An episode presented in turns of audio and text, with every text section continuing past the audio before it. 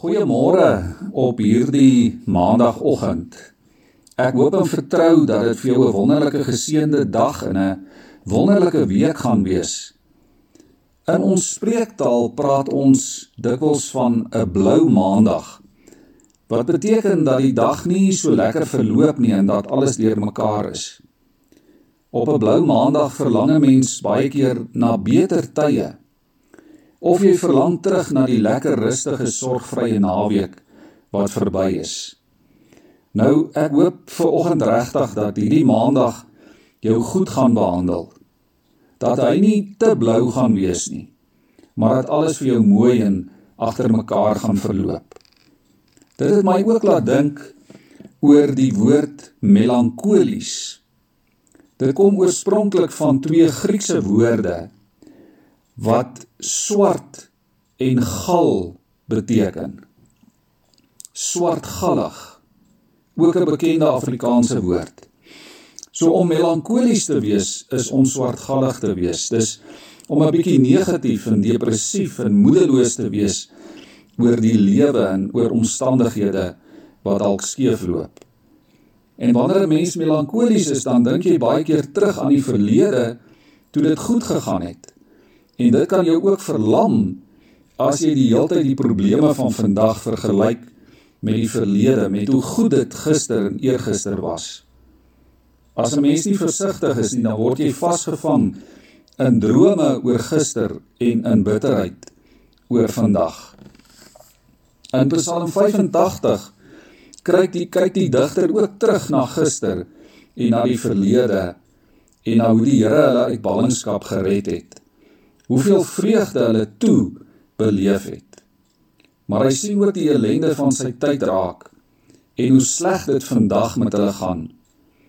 En dan interessant reageer die psalmdigter alles behalwe melankolies. Hy laat nie toe dat swartgalligheid die oorhand kry nie. Hy laat nie toe dat depressie sy lewe beheer nie. Ons kan sê Die psalmdigter se maandag was spreekwoordelik blou, maar hy laat nie toe dat dit hom onderkry nie. Voor die ballingskap was die volk oppervlakkig in hulle verhouding met die Here. Hulle het sommer van selfsprekend aanvaar dat die Here hulle sal red. Dat hulle glad nie moeite hoef te doen met geestelike sake en met hulle verhouding met die Here nie, want die Here is mos outomaties aan hulle kant. Maar deur die ballingskap het God gewys dat hy nie 'n gevangene is van sy verbond nie. Hy red sy kinders nie maar sommer outomaties nie. God is nie hier om ons te dien nie. Ons is hier om God te dien. En dit moes die Israeliete leer en dit moet ons ook leer. Hulle moes leer om weer erns te maak in hulle verhouding met God om weer met erns te bid, om weer God se wil en God se woord te respekteer. Die Here lig hierdie psalmdigter uit sy potensiële melankoliese toestand, uit sy geestelike besorgdheid, sodat die digter nie meer net dink oor gister en oor vandag nie, maar ook oor môre. Hy besef dat lyding en stryd sal einde kry dat die Here self sal kom om te bewys dat hy die redder is. En dit, liewe vriende, is wat God in Jesus Christus ook vir jou en vir my kom doen en kom wys het. Uiteindelik maak hy 'n einde aan onreg, aan siekte, aan droogte, aan teëspoed, aan blou maandae. Sy kinders is nie droom verlore of verlam deur twyfel of deur moedeloosheid nie. Ons kry by die Here krag om te bid, om vas te gryp aan die lewende God. Mag jy dit in hierdie week ook doen en beleef. Ek lees vir ons uit Psalm 85. Vir die musiekleier van die Koragiete, 'n Psalm. Here, U was U land goedgesind. U het die lot van Jakob verander. U het die skuld van u volk vergewe. U het hulle sonde bedek. U het al U woede teruggehou. U het afgesien van U gloeiende toorn. Herstel ons nou weer, o God, wat ons verlos. Bring U ergernis teenoor ons tot 'n einde.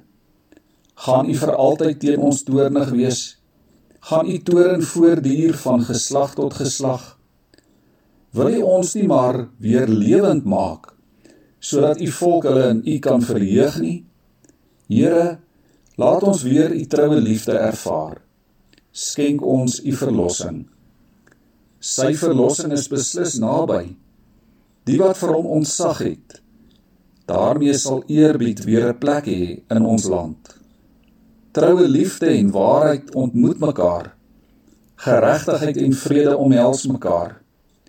Waarheid sal uit die aarde spruit, geregtigheid uit die hemel neerkyk. Daarby sal die Here gee wat goed is en ons land sal sy opbrengs lewer. Kom ons bid saam.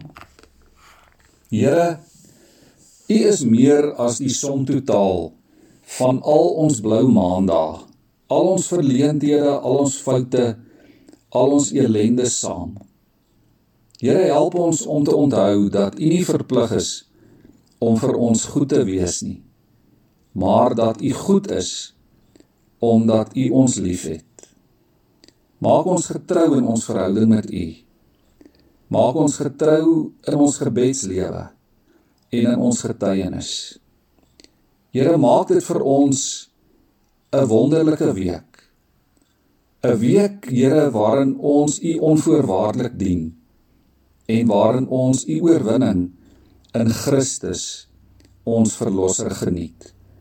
Here maak die wonderwerke en die beloftes wat U vir ons in gedagte het waar in ons lewens.